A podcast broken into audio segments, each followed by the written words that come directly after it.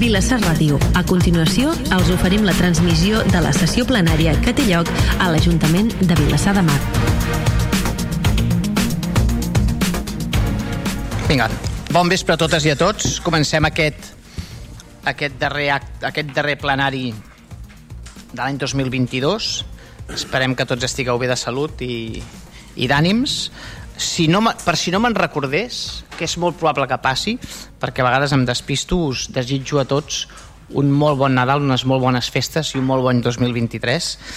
Si després ho torno a recordar, ho tornaré a dir, per tant, però almenys ja quedarà dit a, a tots vosaltres al plenari, lògicament a tots aquells vilassarencs i vilassarenques que ens estiguin escoltant o per la ràdio, pels mitjans de comunicació que, que articula l'Ajuntament de Vilassar de Mar. Bé, en qualsevol cas, comencem aquest plenari eh, en, en format ordinari quan passen uns minuts de les 7 de la tarda i comencem, com sempre, amb el primer punt de l'ordre del dia, que és l'aprovació de les actes de les sessions anteriors dels dies 17 de l'11 al 2022 i del 30 de l'11 al 2022. D'acord? Hi ha alguna qüestió de les dues actes, Ciutadans? Ninguna. Alguna qüestió per part del PSC? Cap. Per part de Vavor? Alguna, No, cap qüestió, gràcies. alguna qüestió per part de Junts? Bon vespre, cap qüestió. Gràcies. Per part d'Esquerra? Gent per Vilassar? Cap qüestió. Doncs quedarien aprovades per unanimitat del plenari les actes del di dels dies 17 de l'11, del 22 i del 30 de l'11 al do- del 22.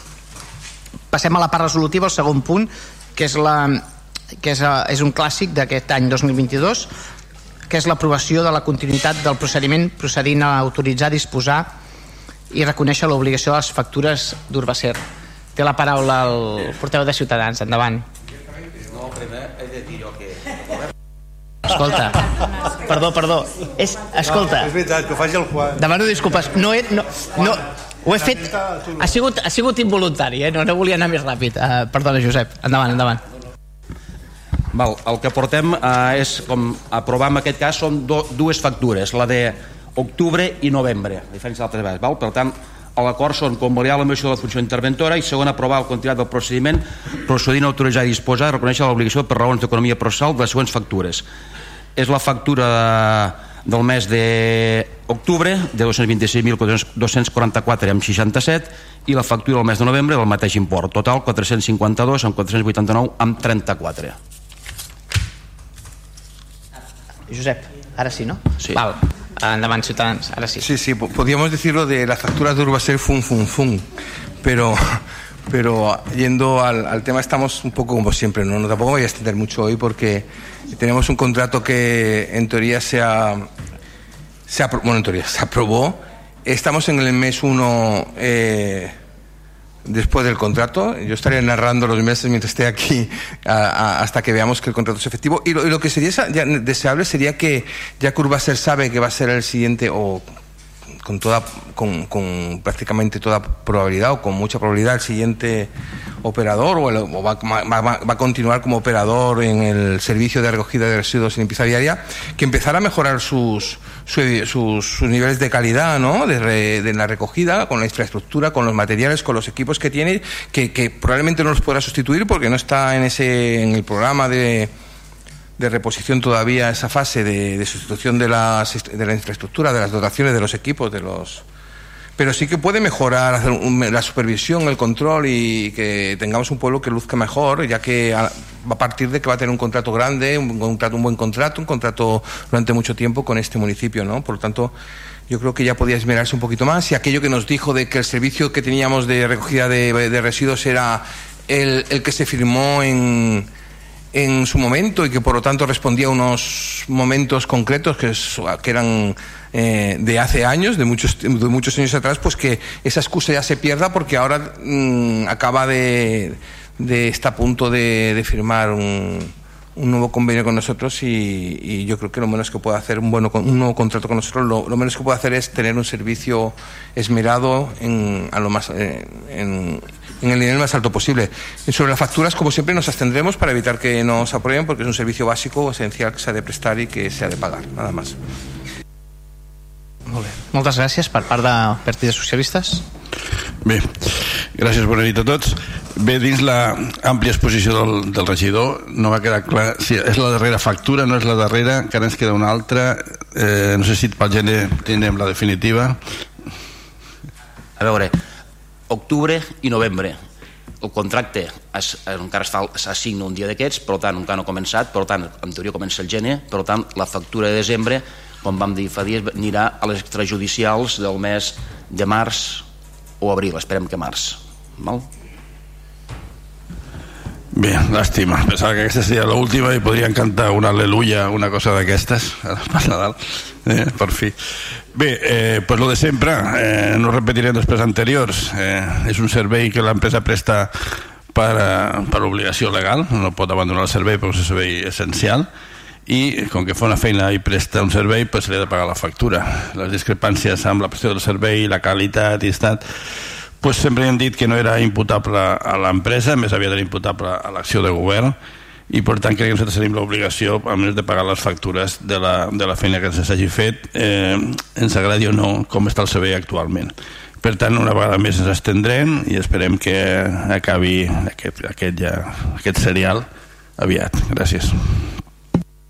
Molt bé, moltes gràcies per part de Vavor endavant la, la portaveu Sí, mm, bon vespre a tothom. Bé, mm, com, com comentàvem ara mateix, si no hi ha cap, cap imprevist, aquest serà l'últim cop que les factures del servei de recollida d'escombraries i neteja viària es porten a la convalidació d'aquest ple perquè previsiblement el nou contracte s'assignarà durant el mes de gener i la factura de desembre, que és l'única que queda penjada, anirà amb els crèdits extrajudicials del pròxim any. Per tant, com que és l'última oportunitat que tenim, m'agradaria tornar a recordar per darrer cop que aquestes factures s'han de portar ple per la seva convalidació perquè el contracte, degut a la deixadesa del govern i en especial del regidor de Medi Ambient, està caducat des de fa 3 anys i des de llavors el servei s'està prestant sense cap contracte que l'empari de manera obligatòria per l'empresa que n'era la contractista eh, perquè es tracta d'un servei essencial. Això ha comportat, d'una banda, un deteriorament progressiu del servei, perquè s'està prestant en base a unes prestacions i amb uns mitjans definits i dimensionats per un servei pensat al 2008, amb la qual cosa actualment és un servei obsolet, que no s'ajusta a les necessitats del poble, que s'està prestant amb uns eh, camions que han superat amb molt el seu període d'amortització, amb uns contenidors eh, bruts, trencats i espatllats que no es reposen i amb un utillatge també totalment obsolet.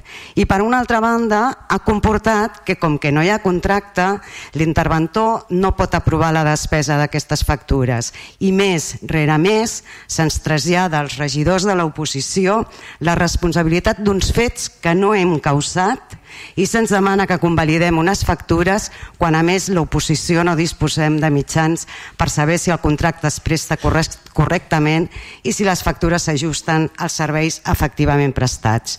Des de Vavor hem presentat diverses propostes per tractar de regularitzar aquesta situació durant el període transitori, però cap d'elles no ha tirat endavant.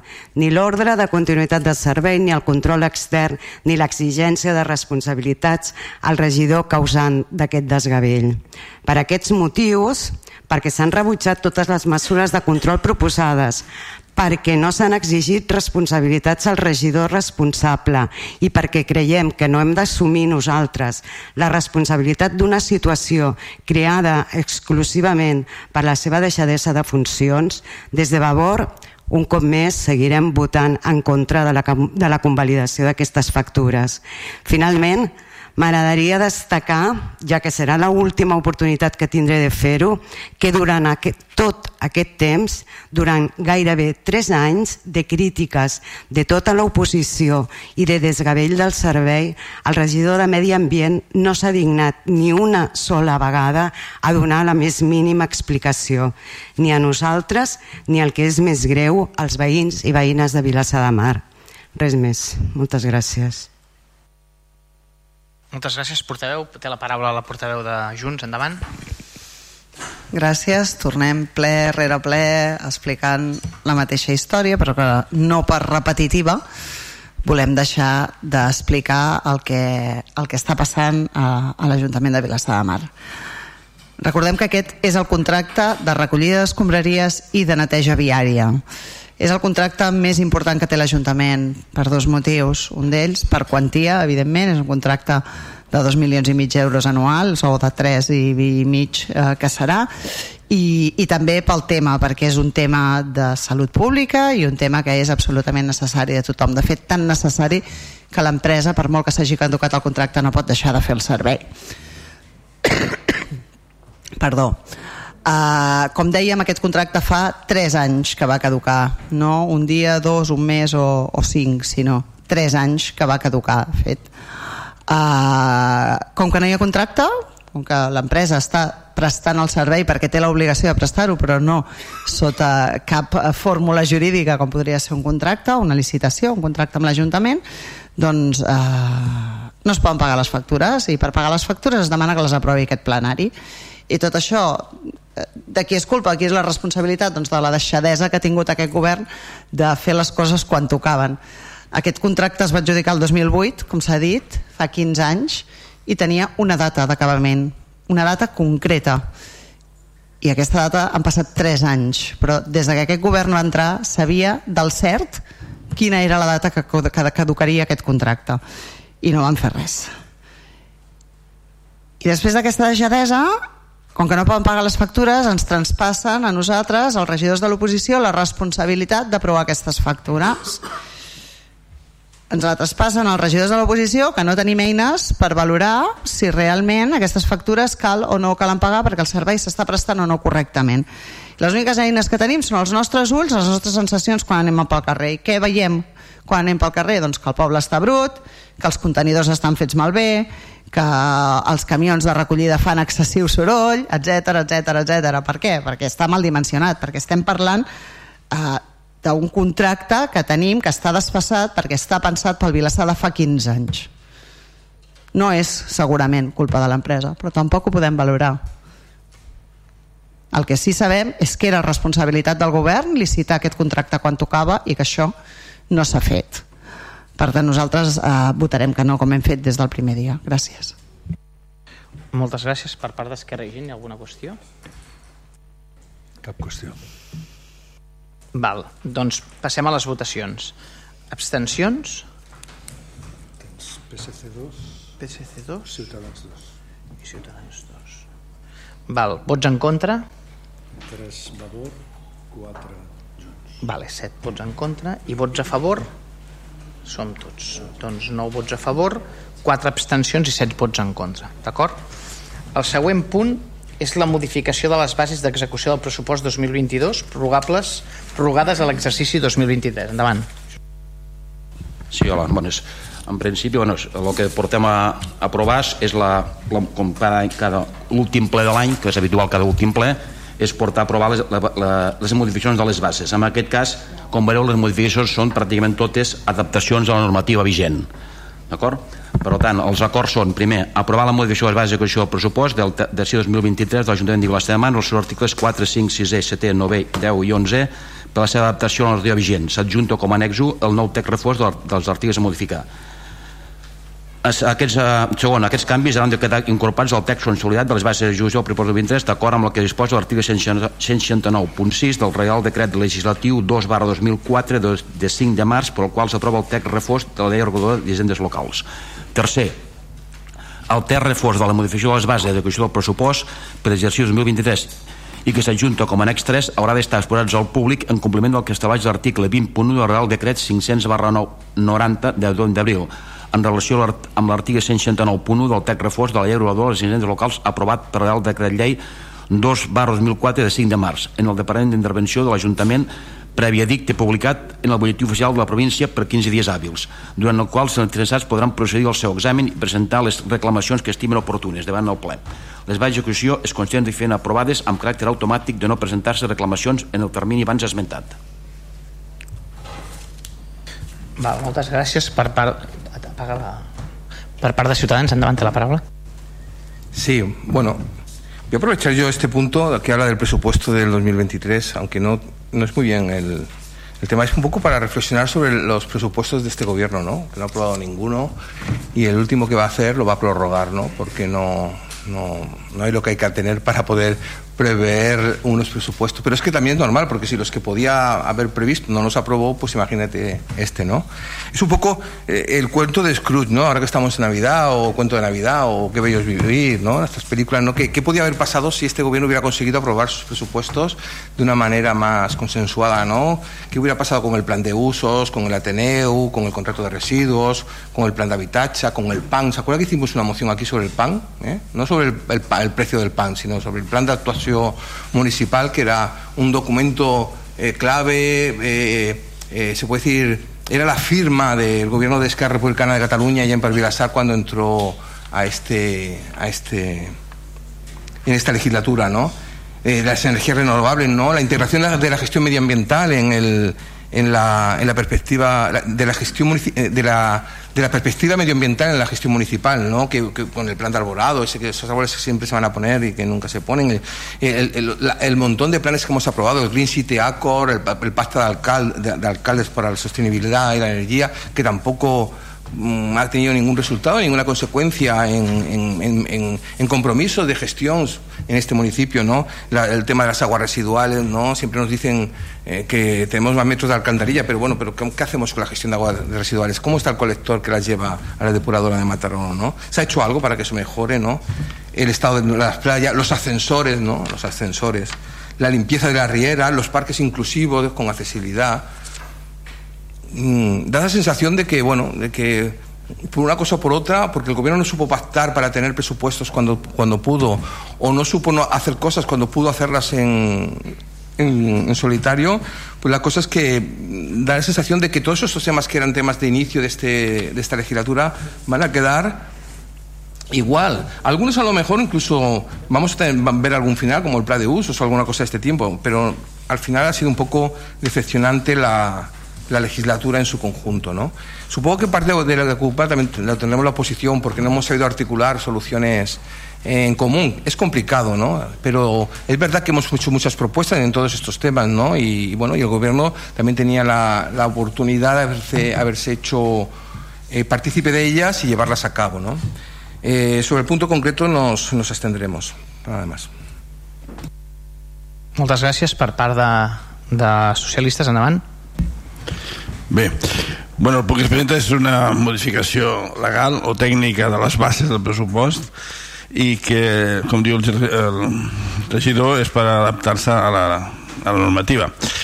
He fet l'exercici de, de llegir-me-les i només per, per entrar una mica i per responsabilitat i hi ha algunes coses que no hi he entès no hi entenc com l'annex 1 i l'annex 2 no veig la diferència entre ells si un annex 1 i un annex 2 que semblen iguals parlant de l'article 4 l'article 5 segurament és que no, no ho havia entès.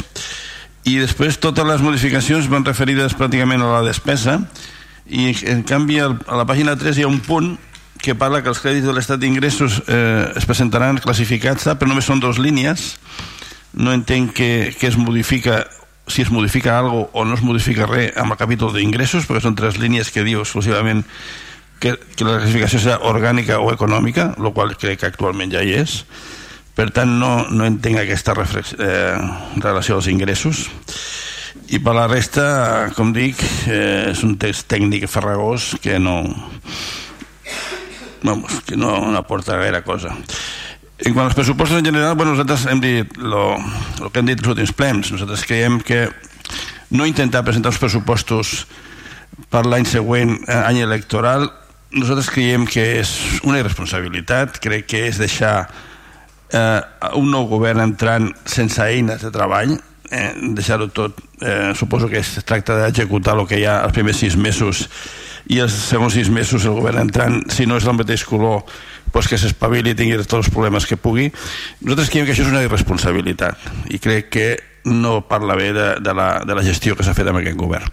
Efectivament amb aquest mandat eh, s'han aprovat dos dos pressupostos i s'han aprovat per una fórmula de, de moció de confiança moció de confiança que, que el govern i l'alcalde ha perdut eh, i, i l'oposició, hem de dir-ho tots i hem de fer autocrítica, no ha tingut capacitat de presentar la corresponent moció de censura prevista a la, a la, a la llei. Per tant, tots tenim un pèl de responsabilitat perquè d'alguna manera estava a les nostres mans incidir en la manera que hem governat el poble i buscar donar, almenys intentar donar un tom a la situació que critiquem a diari i que considerem nefasta. Però, insisteixo, hem de fer també autocrítica i l'oposició ha tingut l'oportunitat per dues vegades de canviar les coses i no hem tingut la capacitat o el valor de fer-ho. Per tant, autocrítica per tots. I en quant al punt que estem, que dic és legal i tècnic, farem una abstenció perquè ja he dit, l'hem llegit i no, no veiem ni clara la seva redacció. Per tant, entenem que és un tema tècnic, insisteixo, i farem un vot d'abstenció. Moltes gràcies, regidor, per part de favor. Endavant. Sí, bona tarda de nou. Bé, mm, jo també volia començar fent una petita reflexió en relació amb els, amb els pressupostos anuals eh, de l'Ajuntament. Um, consta en aquest expedient el decret d'alcaldia d'inici de l'expedient de pròrroga del pressupost 2022 al 2023. Ja ho sabíem, però eh, aquí tenim la confirmació oficial. En aquest sentit cal dir que, que aquest cop el govern no ha fet ni tan sols el mínim intent de negociar res amb els grups de l'oposició i que per quarta vegada consecutiva tirarà endavant els pressupostos sense aprovar-los al ple dues pròrrogues i dues aprovacions automàtiques lligades a qüestions de confiança. Per un govern que només necessita el suport d'un únic regidor extern per aprovar els pressupostos és un trist balanç i posa de manifest la manca de rumb, una certa irresponsabilitat de cara al pròxim mandat i cap voluntat d'arribar a acords amb, amb l'oposició. Pel que fa en concret a les bases d'execució, atès que formen part del pressupost i per tant haguessin quedat prorrogades automàticament les del 2002 pel 2023, no acabem de veure per què es porta aquesta modificació de les bases al ple quan a més no incorporen cap modificació substancial, eh, una adequació a la normativa vigent que d'altra banda seria aplicable igualment encara que ara mateix no, no, no s'incorporessin al text. De totes maneres, com ja vaig dir a la informativa, s'agraeix el nou redactat perquè s'entén millor, però entenem que no aporta cap modificació substancial. Per tant, respecte de les bases farem un vot d'abstenció. Gràcies. Moltes gràcies. Per part de Junts, endavant la portaveu. Bé, nosaltres també farem un vot d'abstenció respecte a les bases. Tema tècnic i formal d'adaptació a la legalitat, però també volem posar de manifest que lamentem molt que estem al desembre i ni tan sols s'han plantejat presentar un pressupost. Ni tan sols s'ho han plantejat. I no només no presentar un pressupost ara, sinó que en els quatre anys que dura un mandat municipal doncs no han estat capaços d'aprovar o de pactar cap pressupost amb cap dels grups de l'oposició, cap dels grups, perquè amb un sol grup en tenien suficient.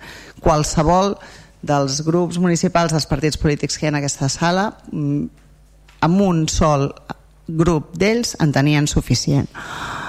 Per tant, això ens demostra evidentment que no han sabut teixir les complicitats suficients amb cap altre partit eh, i això també ens sembla una deixadesa de funcions fa un moment parlàvem de la, deixa de la deixadesa de funcions respecte al contracte de recollida d'escombraries i neteja viària i no fer cap esforç quan no tens majoria absoluta per aprovar un pressupost i poder desenvolupar aquelles polítiques en les que creus també ens sembla una deixadesa de funcions.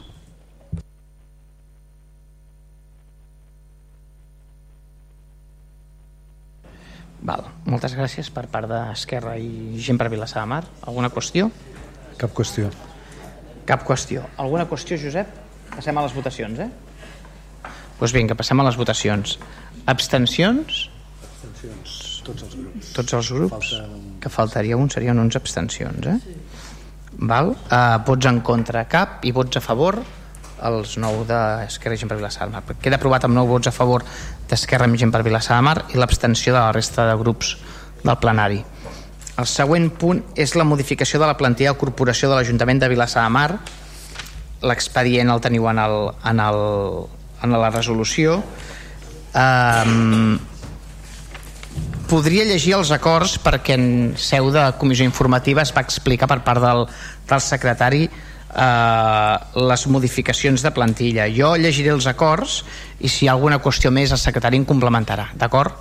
Eh? Eh, els acords que sotmetem a votació del plenari que demanem la, la, la confiança i per tant el vot a favor d'aquest punt és aprovar la modificació de la plantilla orgànica del personal municipal funcionari 2022 proposada a l'annex 1 creant les següents places. Es crea una plaça eh, de grup C1 administrativa dins l'escala administració general sots escala administrativa i crear una plaça grup C1 tècnica auxiliar dins l'escala administració especial sots escala serveis especials classes comeses classe comeses especials, categoria tècnica auxiliar, grup C1. Això és l'acord primer. L'acord segon, aprovar la modificació de plantilla orgànica del personal municipal laboral, proposada a l'anexo creant les següents places. Es crea una plaça de grup AP, de plaça d'oficial dins de les categories professional d'oficis, i es crea una plaça eh, de conserge dins les categories professionals oficis.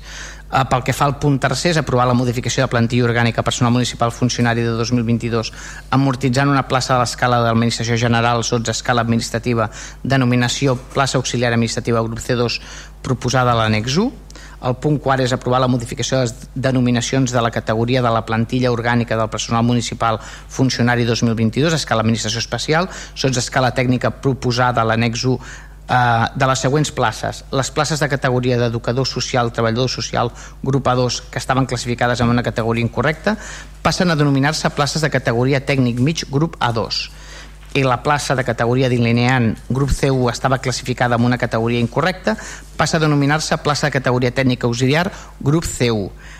El punt cinquè és aprovar la modificació de la classificació dins l'escala administració especial de la plantilla orgànica del personal municipal funcionari 2022 proposada a l'annex 1 de les següents places. Les sis places de l'escala administració especial són escala tècnica, classe auxiliar, 5 de categoria biblioteca grup C1 i una categoria tècnica auxiliar medi ambient grup C1 passen a l'escala administració especial sota serveis especials, classes comès especials, categoria tècnic auxiliar grup C1 tres places de l'administració especial sota escala serveis especials, classes comès especials, categoria tècnic mig grup A2 passen a l'escala d'administració especial sota escala tècnica, categoria tècnic mig grup A2 les tres places de l'escala administració especial són escala tècnica, classe tècnic mig, grup A2 i una, una categoria tècnic difusió patrimoni, una categoria tècnic de comunicació i premsa i una categoria tècnic de serveis personals passen a l'escala administració especial, sots serveis especials, classes comès especials,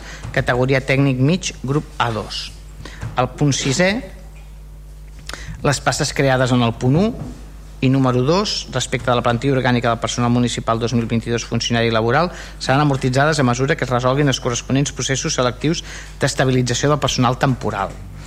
I el punt setè, publicar l'acord que s'adopti el butlletí oficial de la província al termini de 15 dies hàbils perquè els interessats puguin examinar-lo i presentar les reclamacions que considerin adients davant del ple de l'Ajuntament. Així mateix es publicarà el taulell d'anuncis de l'Ajuntament en seu electrònica.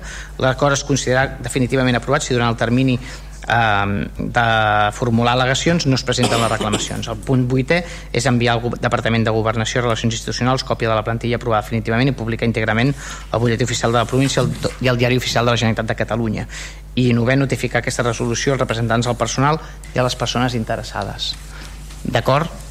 És una cosa una mica complicada, una mica tècnica, però demanem la, la confiança del plenari i per tant el vot a favor. Endavant, ciutadans. Le iba, a le iba a pedir al alcalde que me lo repitiera, pero bueno. No, no. eh, no. La, a, a, ver, a mí, eh, yo no dudo de, de bueno, de, de, de, la propuesta que se hace, no tengo, en principio es un tema, pues como hemos visto, muy técnico, asociado a unos criterios legales de estabilización. Lo, que sí me ha, nos, ha, nos, nos, ha causado cierta, siempre, nos causa cierta perplejidad, tal vez porque somos muy optimistas en en cuanto a la percepción de las cosas, que eh, estuvimos en un pleno hablando de todos estos temas, eh, hubo preocupación por algunos grupos municipales, recuerdo preguntas incisivas sobre estos temas de la estabilización, de que este tema se hablara mu mucho, de que estuviera todo el mundo lo tuviera muy claro, de que, de que realmente hubiera, tanto mm, desde, desde la parte administrativa como de la parte de los trabajadores, ¿no? Y que, y que ahora tengamos que hacer pues una modificación y unos encajes que en su momento, yo sé que ha habido cambios que se nos explicaron, ¿no? Eh, de interpretación de algunas, de algunos de los criterios, ¿no? Y que eso también ha producido, pero siempre nos, nos, nos genera como esa sensación de, no sé cómo explicarlo, de de incertidumbre, ¿no? Que, que no que, que, que, no creo que sea buena. Nosotros, obviamente, pues eh, los, los, desde el punto de vista técnico no tenemos nada que decir. Si tiene que ser así, será. Si, es, si, si realmente se soporta sobre los informes eh, preceptivos que así recomiendan que se haga este proceso, pues bien. Pero sí que no, no, no, no de entender por qué se suceden siempre este tipo de situaciones que que, que no, no, generan confianza realmente. Eh, me refiero confianza en la gestión política, no hablo de otro, de otro ámbito. ¿no? Entonces, bueno, pues nos abstendremos sobre este punto. Va, moltes gràcies. Per part de PSC? Gràcies.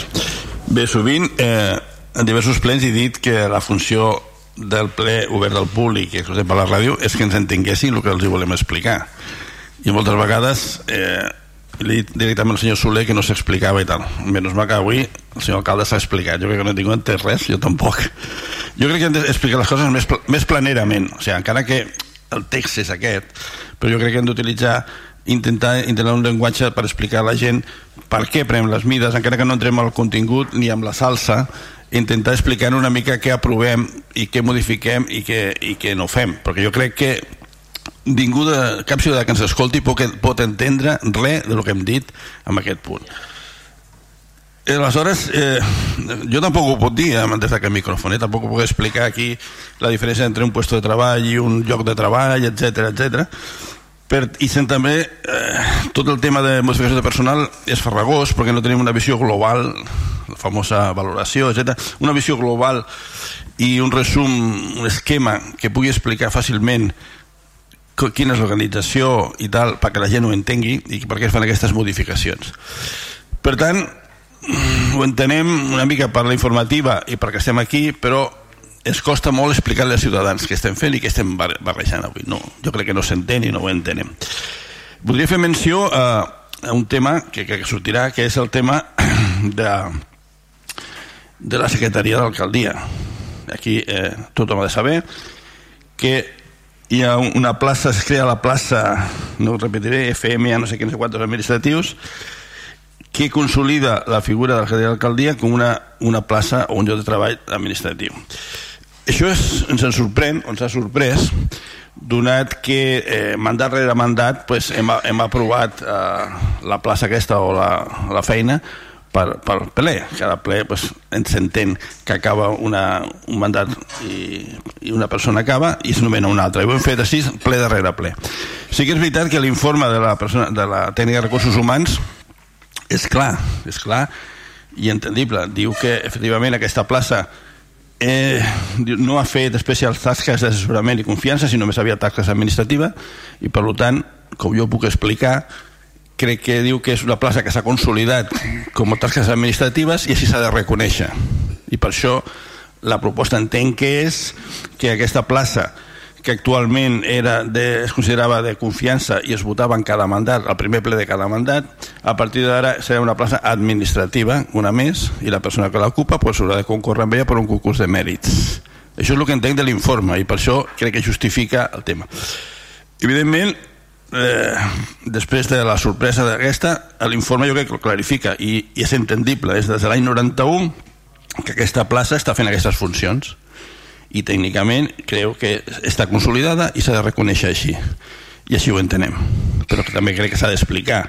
Crec que també causarà sorpresa si no s'explica a la gent perquè eh, la plaça concebuda com a càrrec de confiança ara passa a una, una plaça, un lloc eh, fix administratiu s'ha d'explicar, perquè des de l'any 91 ha vingut a fer, a fer en aquestes tasques reiteradament i es considera que és una plaça consolidada. Nosaltres ho entenem i ho acceptem i crec que és correcte. A més, tots els governs, tots els colors hem passat per aquest tema, per tant, no és, no és, no és una crítica. No? Però crec que s'ha d'explicar. S'ha d'explicar perquè fan aquestes, algunes modificacions i per això volia incidir en aquesta. Per tant, eh, més enllà de la dificultat d'entendre globalment totes les modificacions i les consolidacions de places i tal, nosaltres també, eh, llegit l'informe, pues fem confiança a, a la proposta que fan. Pista, jo crec que és una proposta tècnica i més enllà d'això pues, també farem un vot d'extensió pues, eh, donant confiança als tècnics. Gràcies. Val, moltes gràcies. Per part de Vavor... Sí, però faré després, sí que és quan acabi. Val? Uh, per part de Vavor, endavant. Eh, bon vespre. Nosaltres votarem a favor perquè bueno, estem a favor de la regularització i de poder estabilitzar les treballadores municipals. Pensem que l'Ajuntament, de fet, ha de donar exemple en la lluita contra la precarietat laboral i, a més, ens, cost, ens consta la conformitat dels representants de les treballadores. Tot i així, volem alertar que l'organització del personal és un tema capdalt per la bona marxa i gestió de l'Ajuntament i és sabut que en aquest cas l'Ajuntament està mancat de personal, té un alt percentatge de temporalitat i a sobre no hi ha cap estratègia clara. En l'informe de la tècnica que ja s'ha comentat es veuen rectificacions, modificacions de les modificacions. De fet, a l'abril van votar una modificació de la RLT, al novembre una altra i ara aquesta és la tercera. I en aquest sentit tornem a preguntar com està el tema de la valoració de llocs de treball que es va comprometre al ple de març del 2021 i que és bàsica per una bona gestió i una bona relació dels llocs de treball en condicions. Sabem que es va trigar molt a licitar, però no sabem en quin punt es troba i ens agradaria que ens ho poguessin respondre. Gràcies. Val, per part de Junts, endavant. Per no repetir-me a favor, eh? faig eh, nostres tots els arguments que han dit respecte a la valoració de treballs, etc i respecte també de l'estabilització, que evidentment votarem a favor perquè creiem que s'ha d'estabilitzar la plantilla però que també estaria bé fer les coses bé a la primera, que això també és possible. I, i sembla que aquí costa que fem les coses bé a la primera i hem d'anar fent modificacions rere modificacions. Gràcies. Moltes gràcies. Només per, per concretar el que comentava el, el, el portaveu del Partit Socialista. El tema de l'avaluació de llocs de treball. Em consta que s'està treballant, s'han fet entrevistes amb caps d'àrea, s'han fet entrevistes amb, amb representants dels treballadors i crec que estem a prop de que ens lliurin un primer esborrany. Però ho dic que així amb la boca petita perquè no sé si realment a hores d'ara és possible que ja hi hagi l'hagin lliurat, però en qualsevol cas m'informaré i els hi passaré la informació. Uh, que s'està treballant segur, perquè hi ha hagut entrevistes amb personal i amb, i amb caps d'àrea. Si em pots ajudar en el tema aquest? Sí, gràcies. Endavant. Bon, bona tarda. Doncs a veure, mm, una mica per, per aclarir també què és el, el que s'està votant perquè tothom pugui entendre-ho i sigui més aclaridor. Pues els antecedents, eh, principis d'any, al març, es va aprovar una llei mm, en la qual, eh, no principis, no finals d'any passat, es va aprovar una llei en la qual bàsicament establia la necessitat d'un determinat personal que portava ja un determinat temps en situacions temporals a l'administració, tant siguin funcionaris interins com fossin contractacions laborals, doncs eh, hi havia la necessitat de convocar processos amb una sèrie de característiques especials perquè poguessin passar a ser personal fixa o bé de carrera. Això que comporta? Comporta que eh, es regularitzen una sèrie de situacions que no és que estiguessin il·legals, sinó simplement doncs, que han sigut en situacions que s'han vingut perllongant algunes de fa molts anys, fa dècades, s'han vingut perllongant també eh, perquè els marcs legals han sigut els que eren. I ara, doncs bé, també tot sigui dit perquè Europa ha obligat eh, s'havien de regularitzar aquestes places i passar-les ja llavors a, a fixes. Això que ha comportat? Ha comportat també la possibilitat de certes situacions que teníem poder-les modificar aprofitant la benentesa uh, per això en un primer moment es va fer una primera modificació de la plantilla per uh, certes places que han de caràcter laboral passar-les a caràcter funcionari. Això també es fa sobretot perquè és beneficiós per l'organització perquè justament les últimes reformes laborals que hi ha hagut eh, és més complicat per l'Ajuntament tenir personal laboral que no funcionaris, és més, per les necessitats pròpies de l'Ajuntament també és millor tenir funcionaris que laborals. Per tant, vam aprofitar el seu moment per fer aquestes modificacions. Després va haver una segona modificació, però aquesta segona modificació justament no tenia res a veure amb això, sinó que venia motivada per una altra qüestió, que era pel tema de que havien de donar compliment al contracte programa de uh, serveis socials, que ens exigia tenir unes determinades persones contractades, i per tant s'havien de crear les places, els jocs de treball. I ara portem una tercera modificació gairebé in extremis, tot sigui dit perquè és veritat que els, els marges de temps temporals han sigut molt curts o potser no tan curts però realment el temps mm, no s'ha no equilibrat a tot arreu s'han- tirat a sobre. És més, ens trobem que ja s'hem dit abans que els criteris d'aplicació de la norma han anat canviant. Han anat canviant de tal manera que a mes d'octubre el Tribunal Suprem ens canvia tot el criteri que el 24 de novembre, o sigui, no fa ni encara ni 15, sí, no, no, fa una, un mes, a la Direcció General d'Administració Pública emet una ordre i ens torna a canviar el criteri. I això ha fet doncs, que segons quines modificacions que hem tingut que fer ara. I també altres situacions que sincerament doncs sí, hi ha hagut mm, en el seu moment es van valorar i amb els criteris actuals s'han tingut que tornar a valorar i fer entrar una altra vegada al procés d'estabilització i per tant també la possibilitat d'adaptar les seves places. Eh, bàsicament llavors en resum és aquesta, o sigui amb el tema del personal de confiança justament era aquest, era una situació que no era del tot regular que es, es pot aprofitar per regularitzar. Beneficia tant l'Ajuntament com en aquest cas també beneficia a la persona treballadora i també molts dels canvis que portem aquí són canvis que aprofitant la virantesa de que eh, s'havia de fer modificar la plantilla ja aprofitem i fem modificacions de coses que històricament de fa 20 anys doncs, hi havia males classificacions o fins i tot eh, moltes vegades el problema és que està sobreetiquetat sobreetiquetat la, el lloc, la plaça de, de, de, la plaça de treball. I llavors ara simplement doncs, adoptem uns criteris que són més estrictes, que ens donen més flexibilitat i que ens donen un millor servei eh, bàsicament és aquesta la modificació que es porta Val, gràcies, uh, secretari, moltes gràcies per l'explicació. Passem a les votacions. Um, abstencions? Dos ciutadans. Partits socialistes, abstenció, eh, Quico? Sí. Dos PSC, quatre. Vots en contra? Vots a favor? Doncs uh, favor 3, 4 i 9. Val. Queda aprovat amb els vots de, a favor de Junts, Vavor i Esquerra Republicana amb gent per Vilassar de Mar val? I, amb, i amb quatre abstencions que són les del PSC Ciutadans eh? d'acord? Val, passem al, al següent punt que és l'aprovació del conveni de col·laboració entre l'Ajuntament de Vilassar de Mar i la Comissió Central de Subministraments en la que s'estableix les condicions de participació en el Sistema Central d'Adquisicions de Béns i Serveis de la Generalitat de Catalunya. Té la paraula la regidora, endavant. Val. Eh, sí, bon, bona tarda. Um, aquest conveni estava, uh, estava vigent des del 2009, si no m'equivoco, amb la Generalitat de Catalunya, des del 2008, perdó, per... Eh, no, des del 2009.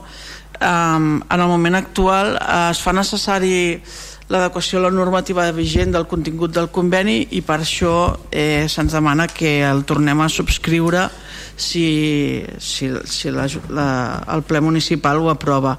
Aquest conveni implica poder participar de la central de, del catàleg de serveis i béns eh, que es poden adquirir a través de la Generalitat com a, a través del, de la seva central de compres. No l'estem fent servir perquè ja estem utilitzant les centrals de compres de l'Associació Catalana de Municipis i del Consell Comarcal per les necessitats que tenim actualment, però com que no podem descartar que en el futur puguem necessitar recórrer aquesta central de compres de la Generalitat, doncs creiem convenient mantenir aquest conveni i aquesta possibilitat oberta. Val, moltes gràcies, regidora, per part de Ciutadans. Sí. A ver, el, el, el convenio está claro, ¿no? Hay un catálogo de servicios al cual te puedes adherir. Yo, cuando, a- a- en alguna, es que tampoco quiero hacer mucho hincapié en lo mismo, pero cuando, a- cuando hablamos de, yo, yo a veces, bueno, en nuestro grupo hablamos de lo que la, la proactividad, ¿no? ¿no? Es ser capaces de, de adelantarse a las cosas que, que van a suceder de una manera planificada. ¿no? Yo- hablamos de esto, o sea, eh, nos presentan un contrato, un contrato que en principio no se, no se aplica, no, no, no, es un contrato que existe, pero por si existe, por, por si acaso, por si le hace falta. Un convenio, perdón.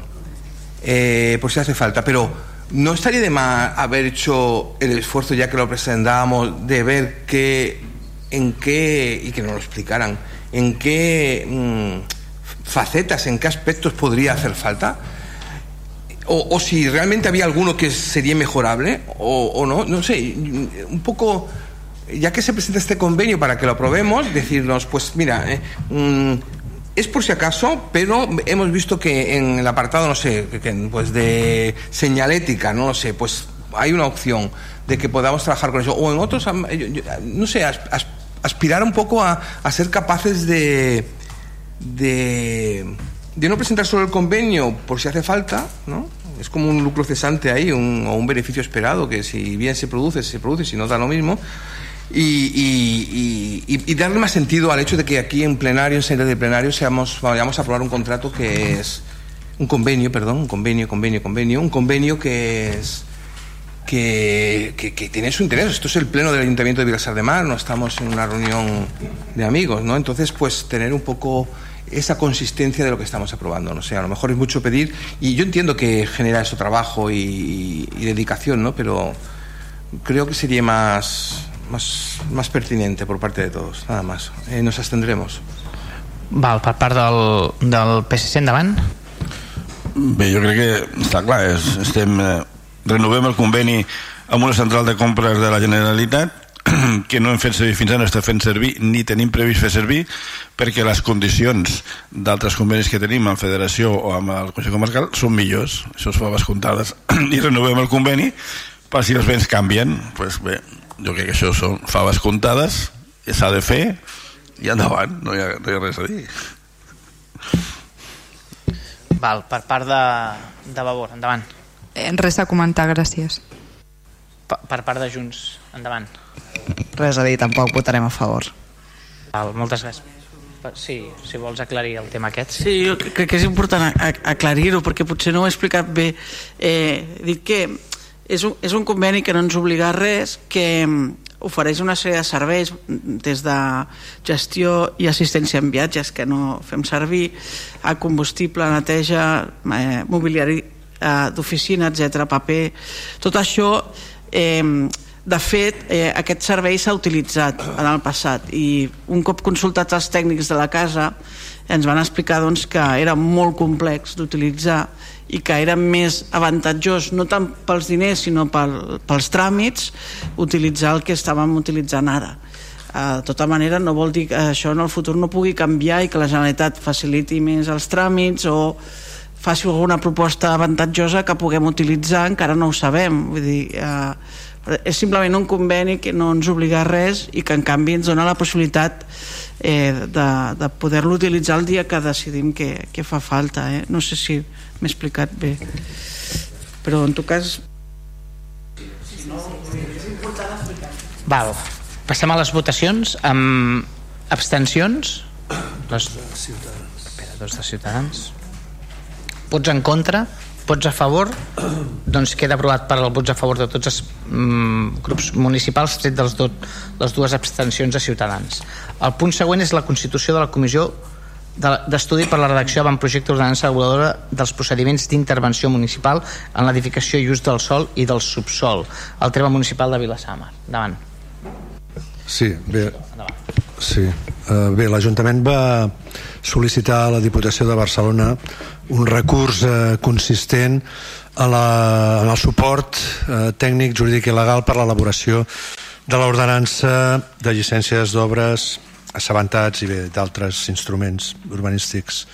Eh, L'objectiu de la creació d'aquesta ordenança i de l'inici dels seus treballs doncs és la d'agilitzar, simplificar i regularitzar eh, tots els tràmits per als procediments de llicències d'obres, assabentats, eh, fiances, ocupacions de via pública, inclús d'altres d'altres eh, supòsits. La, eh, la qüestió també que ens interessa és dotar també en l'otorgament de les llicències de major seguretat jurídica i un element important que és el d'ampliar eh, els supòsits d'assabentats. Donat que nosaltres ens- en aquests moments ens regim per al Pla General de l'any 86, que és molt restrictiu, i que ens obliga a, a fer el tràmit de llicència d'obres per, eh, per, per obres que amb eh, simples assabentats seria suficient. És el cas de la mateixa llei d'urbanisme, que en aquest sentit és molt més àmplia, i si eh, apliquéssim, eh, poguéssim aplicar la llei d'urbanisme en aquest supòsit, doncs simplificaria molt les coses. Per tant, el que farem i demanem el vot és per la creació d'aquesta comissió i de, que pugui pugui fer els treballs doncs, amb, la millor, amb les millors condicions i rapidesa possible. Gràcies. Moltes gràcies. Per part de Ciutadans, té la paraula el portaveu, endavant. Sí, bueno, en principio es, es una adecuación a, a los criterios de simplificación de la Administración que, que, que es pertinente. Eh, yo creo que tendrá consecuencias, bueno, creemos que tendrá consecuencias también en todo el tema de lo que son las liquidaciones de ICIO y de tasas, ¿no? Todo lo que sea Sabantat pasará a otro grupo de liquidación y supongo que eso tendrá también efectos en la en las arcas municipales, dependiendo un poco del, del contenido de la, de la ordenanza que se haga, ¿no? Finalmente. Eh, por lo tanto, es pertinente, ¿no? O sea, nosotros estaríamos de acuerdo en que en que esta comisión pues se cree y funcione y se genere la nueva ordenanza. Lo que pasa es que como eh, históricamente este grupo, en concreto estos, eh, bueno, en este caso yo más porque estuve en esta legislatura en la anterior, ¿no? Pero en este caso los dos hemos presentado varias veces la propuesta de que se cree una ordenanza de usos y actividades en este ayuntamiento que tiene que algo que ver porque al final a través del ROAS, del Reglamento de Obras, Actividades y Servicios, la vinculación entre actividades y obras eh, está, está condicionada y porque además hubiera facilitado temas como los pisos turísticos y otras cosas y otros niveles de actuación que, que, los, que luego han, se han tenido que generar ordenanzas o, o normativas específicas para gestionarlos, pues nos vamos a, no sé si en acto de rebeldía o en acto de, de, de, de, pues de queja nos abstendremos, ¿no? Creemos que este ayuntamiento hace tiempo que tendría que haber regularizado toda su, su batería de legislación propia, ¿no? Eh, hay, una, hay un párrafo, me parece, que es en la justificación, no sé si hace el secretario, ¿no? Que las ordenanzas es el, es el instrumento que tiene la administración local, en este caso el ayuntamiento, para poder articular normativas y que estén más cerca del, del, de las características y las condiciones de, de la localidad, en este caso del territorio que, que se que se gobierna, ¿no? En este caso nuestro municipio Vilasar de Mar, ¿no? Yo creo que este ayuntamiento renunció a tener una ordenanza de ruido, renunció a tener una ordenanza de y actividades, y, y, y, ahora parece que va a cometer pues la ordenanza de, de, esta ordenanza de urbanística no? Pues es una enhorabuena no? Pero como creemos que queda mucho por hacer nos abstendremos en este caso particular. Val, moltes gràcies per part de, del PSC endavant. Molt bé, bé si la vocació de la comissió és, com ha dit, agilitzar, simplificar i regularitzar una parcel·la de l'Ajuntament que ha generat innumerables crítiques i queixes dels veïns per la seva eh, no sé eh, espera, llarguíssima espera per permisos d'obres i tal, pues natural, benvinguda sigui, benvinguda sigui i per fi, no?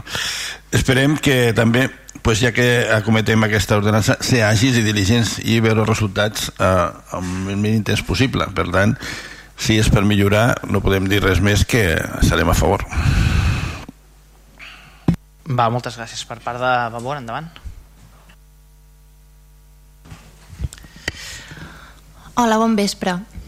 Bé, com ja s'ha comentat, aquesta ordenança eh, es crearà per tal de, de clarificar i agilitzar i, i dotar de seguretat jurídica els diferents règims d'intervenció administrativa en les obres, així que nosaltres hi votarem a favor.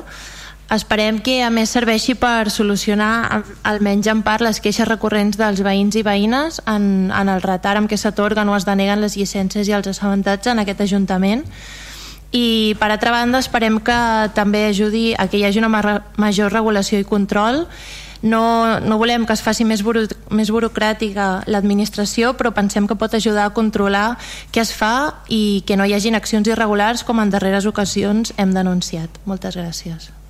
Va, moltes gràcies. Per part de Junts, endavant.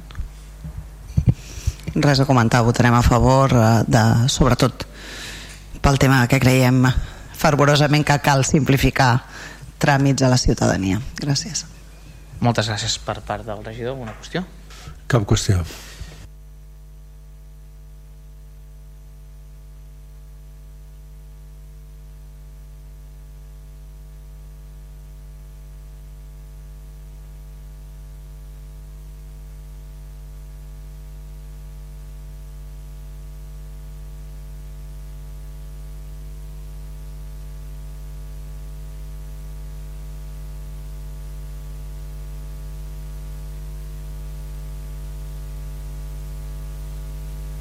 Um, bueno, torno a dir les votacions. Uh, el punt anterior ha quedat aprovat amb els, amb els vots de tots els grups municipals, tret les dues extensions de Ciutadans, i passem al punt que és la bonificació de l'ICIO de la llicència d'obres de rehabilitació del campanar de l'església de Sant Joan. Té la paraula la regió d'Hisenda. No? Sí, sí, en data 17 de juny de 2021, el ple de l'Ajuntament ha acordat declarar bé cultural d'interès local al campanar de l'església de la de Mar.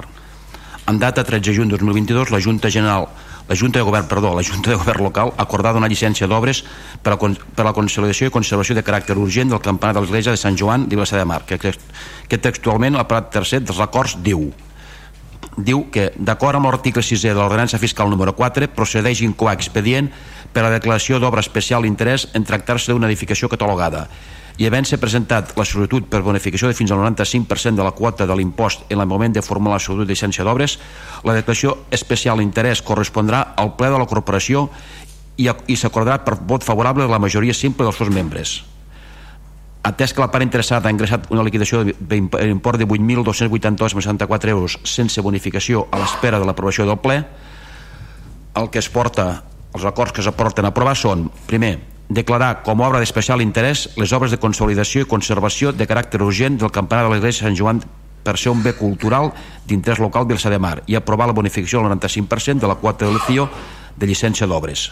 Segon, retornar l'import bonificat del 95% de l'autoliquidació de la quota de llicència corresponent a l'expedient X 2021 00 383 consolidació i conservació del campanar.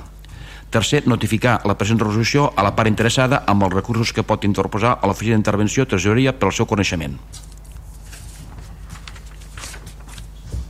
Sí. Molt bé, moltes gràcies. Per part de Ciutadans, endavant. Sí. Empezó con el espíritu navideño de la celebración de, del de alcalde y hemos acabado con la, con la parroquia también. Eh, es un poco es un poco, es un poco un cierre de un ciclo. Eh, a ver, eh, esto, este tema parece que está muy claro. Lo que pasa es que no, creemos que, otra vez creo, y por una cuestión política no, no, no acaba de convencernos, ¿no? Está claro que las obras son en el campanario, que se, de, se declaró como, no sé la palabra, como bien, ¿no? bien, bien, bien cultural, ¿no? Y interés local y, y, y, es, y, está en la fachada, pero y, todos podemos entender que si la iglesia es, de, es un bien de interés, pues la, el campanario también. Pero es que esto no está explicado, no, está, no, no, es lo que explica el motivo por lo cual se justifica que se da el 95% de la de, de, bonificación sobre el importe simplemente se salude a la ordenanza 4 fiscal y se dice que porque el edificio está catalogado y no es porque el edificio está catalogado solamente porque si el señor párroco se hace una habitación con jacuzzi y se la pone a tutiplén no le estaremos aquí aprobando porque el edificio esté catalogado la habitación con jacuzzi a tutiplén ¿no? esto está justificado porque sea una obra que sea, que sea de especial interés que en este caso podría serlo, pero no está explicado así, no está justificado así, no, no lo justifica, solamente se dice que es porque el edificio está catalogado, no, no, no, pero no se explica por qué la obra esta es de especial interés, porque si no todas las obras que se hagan en, la iglesia serían de especial interés y todas tendrían el 95% de bonificación, y no es así. Bueno, ahora me explica el señor Soler, si yo mejor puede ser que no lo haya ido bien, pero... Eh, y, no, no, no, no, no, no se justifica técnicamente, no se dice, mira, es que el campanario es del siglo no sé cuánto y tuvo una, una, hay un deterioro continuo que provoca no sé qué y que lo que queremos es restaurar la imagen que tuvo en su momento. No hay una justificación eh, eh, que, diga que, que, que, justifique el especial interés. Que, yo lo presumo y lo entiendo, pero como no está, no, no, no, no, no nos vemos con corazón para, para votarlo a favor, por tanto nos abstendremos. Per part del Partit de Socialistes, endavant, té la paraula. Bé, Bé, és ben clar que aquí al ple vam aprovar la declaració de, de bé d'interès eh, local, BECIL, al campanar de l'Església, més que res per facilitar que poguessin demanar subvencions a la Diputació, etc. I és ben clar que l'article la, 4 de l'ordenança fiscal preveu que els, interès, els béns catalogats tenen dret a aquesta exenció, exenció. Però més enllà d'això, nosaltres creiem que l'Església no és una entitat qualsevol. l'església no és una entitat eminentment local, a darrere hi ha un bisbat, a darrere hi ha una església catòlica i em sembla que no són pas eh, no tenen pas problemes econòmics per tant a nosaltres ens agradaria que ja de l'església sortís un gest de, de generositat vers el poble i que ja no demanés l'extensió i renunciés a ella perquè ens agradaria que l'església pues, pagués religiosament, per dir-ho així, tots els seus impostos i totes les seves obligacions. Per tant, està en el seu dret, està dins la norma, però insistim, a nosaltres ens agradaria un gest de generositat de l'Església cap al poble, cap a aquells que són creients i no creients, cap a aquells que utilitzen i no utilitzen l'espai, i no demanessin una extensió de 8.000 euros i renunciessin a ella. Seria un acte de generositat que nosaltres entendríem molt positiu. Per tant, farem un vot d'extensió donat que la sol·licitud és perfectament legal i s'ajusta a la declaració que vam fer del Becil, però insistim que solidàriament no ens sembla massa correcte. Per tant, ens abstindrem sobre aquest punt. Va, moltes gràcies per part de, de Bor, endavant. Sí, mm, bon vespre de nou. Aviam, a nosaltres ens sembla una mica, no sé com dir-ho, el colmo ja de... O sigui, aviam, o sigui, són un, unes obres que en gran part es sufragaran amb càrrec a, subvenció, a una subvenció de la Diputació i de la Generalitat. Uh, un edifici, un immoble que com tots els que són propietat de l'Església Catòlica no contribueix a les càrregues municipals perquè està exempta d'IVA, d'IBI, perdó, d'IBI. Unes obres que tampoc pagaran llicència d'obres. Uh, bueno, ens sembla doncs que això, que hauríem de fer no sé, que s'ho hauríem de repensar una mica el bisbat i renunciar a aquesta bonificació que vull recordar que tot i que tot i que les obres puguin ser declarades d'especial interès eh, social, cultural, el que sigui, la bonificació és de concessió potestativa per part de l'Ajuntament, és a dir, ells la poden demanar i el plenari, que és qui té la competència, la pot otorgar o denegar. Mm, no tenen un dret a la concessió de la bonificació.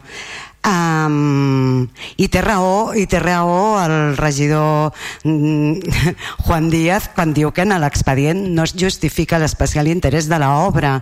És cert que en l'expedient del Becil sí que es justificava l'interès cultural en si del campanar però en aquest cas perquè aquestes obres tenen un especial interès no està justificat en l'expedient. En qualsevol cas eh, em sembla que eh, haurien de fer un gest del bisbat i ja que mm, té tantíssimes prerrogatives, eh, tantíssimes exempcions, tantíssims beneficis als que no tenim dret a eh, la resta de la ciutadania haurien de fer un gest i renunciar a aquesta bonificació que francament creiem que no els hi vindrà d'aquí. Nosaltres votarem en contra. Per part de Junts, endavant.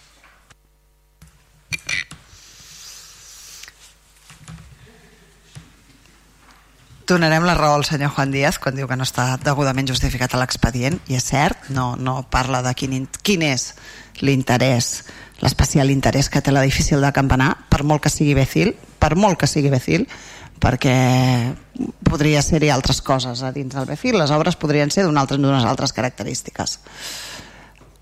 Uh, sí que em sorprèn les al·legacions aquestes de que com que l'Església hauria de renunciar a obtenir bonificacions entre altres coses perquè no, no, no visualitzo aquí tenint dret a una bonificació d'un impost decideix no demanar-la per, per, perquè, per pagar més vull dir, si hi ha una eh, bonificació per renovació de façanes perquè està degradat no sé què, doncs no imagino una comunitat de veïns eh, decidint no demanar-la no? i partim de la base de que quan la gent té dret a una bonificació normalment la demà. Sí, sí, però no, jo no li dic que no, però és com si, uh, no sé, eh, diguéssim que algú que té unes condicions laborals molt beneficioses perquè en lloc de fer una jornada de 40 hores doncs com els funcionaris en fan 35 doncs diguéssim, escolta tu, però quan has de fer hores extres no les cobris perquè tu tens unes condicions més beneficiosos que la majoria dels treballadors.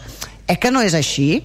I, i evidentment que demanaran cobrar-les perquè hi tenen tot el dret, doncs una mica és el mateix. Tenen condicions més beneficioses, cert, és cert, però no és lo normal que la gent renunciï a, a, a drets o a possibilitats que té. Per tant, entenem perfectament que, la, que les demanin. Uh, dit això, a nosaltres sí, evidentment ens sembla que el campanar és un edifici uh, d'especial interès, no només això, sinó que a més a més el municipi en fa un ús cultural en actes com uh, amb la flama del Canigó o, o amb la penjada de l'asa i que degut a que el campanar està en mal estat i està allà amb, amb una malla protegint perquè no faci mal a la gent perquè poden caure, perquè poden desprendre materials, doncs eh, fa anys que aquests actes eh, culturals, que són populars i de tradició del poble, no es poden fer allà. Per tant, eh, creiem degudament justificat, tot i que no està justificat a l'expedient, eh, sí creiem que, que, que nosaltres en coneixem com a mínim la justificació, per tant, votarem a favor. Va, moltes gràcies. Alguna qüestió per part del regidor? Era Sí, anaves a dir alguna cosa perquè després... Té... Jo crec que l'especial interès està, està degut a que es va aprovar el, el ventre cultural, vull dir, està claríssim, vull dir, i, i, i aquí no discutim, en principi, el, crec que el, el que no estic d'acord és que aquest edifici jo crec que sigui especial interès pertanyi al que pertanyi, una altra cosa que després pertanyi a uns concrets, vull dir, si pertanyés a la comunitat musulmana o al que sigui, és l'edifici, no és el qui és l'amo en aquest sentit, però no ho sé, eh? és l'edifici que, que estem valorant en aquest sentit, però bueno, per res. Endavant, endavant. Pe Uh, bueno, jo crec que no sé si m'he explicat bé quan he parlat o no i aquest costum de, de criticar la posició dels altres grups és reiterativa i bueno, ni m'escolta però és igual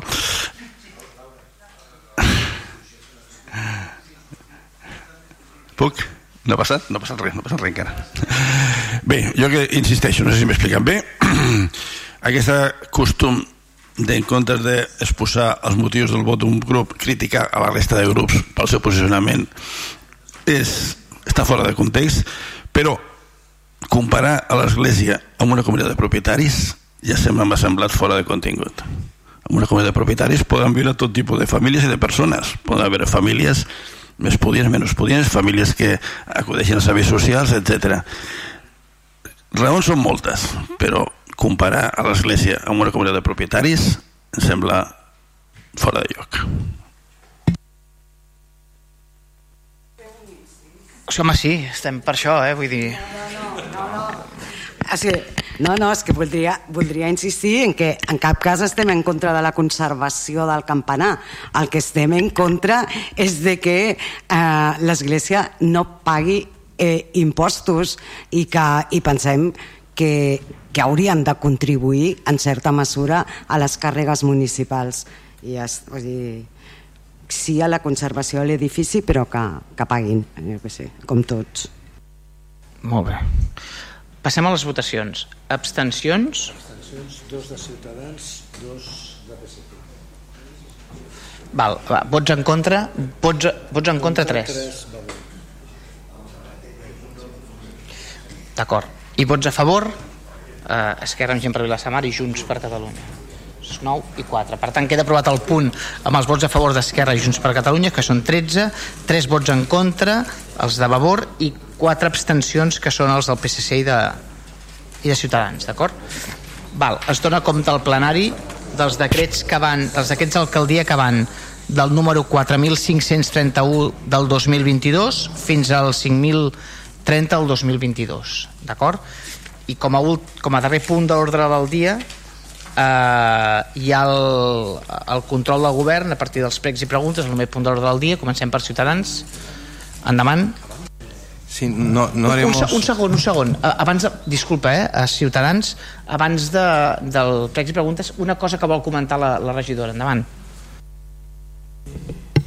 Bé, no, us hem deixat damunt la taula a la, la pulsera de, del CSI eh, del només sí és sí i el clauer, que és un material que distribuirem a través del CIAT i altres serveis i també la guia del reglament de participació ciutadana que, que s'ha fet ara que s'acaba de publicar doncs que també distribuirem i perquè la tingueu i la podeu fer extensiva aquí convingui i ens pugueu demanar també, si convé, doncs, exemplars per, per allà on creieu que, que no hagin arribat, però que en principi estaran a tots els serveis municipals, biblioteca i també possiblement, bueno, ho vam parlar ahir a la comissió, botigues. Ara sí, Ciutadans, endavant. No, no haré preguntas, tenemos un, un ruego, no, no directamente al, al alcalde, pero sí a quien sea que esté por ahí, es desear las felicidades. Hoy estamos un poco espirituales. Eh, a, a, a ver, explícate amb això. A pesar, a pesar de la abstención, a pesar de la abstención. No, desear, las, las, desear unas, unas, unas, felices fiestas, unas buenas fiestas a, a, todos los vecinos y vecinas de Vilasar. Son palabras, ¿no? Seguramente son solo palabras, pero al menos desearles que, que, que, la vida, las cosas le vayan lo mejor posible y que en el futuro aún le vayan mejor. Nada más, eh, por, por este año ya está bien.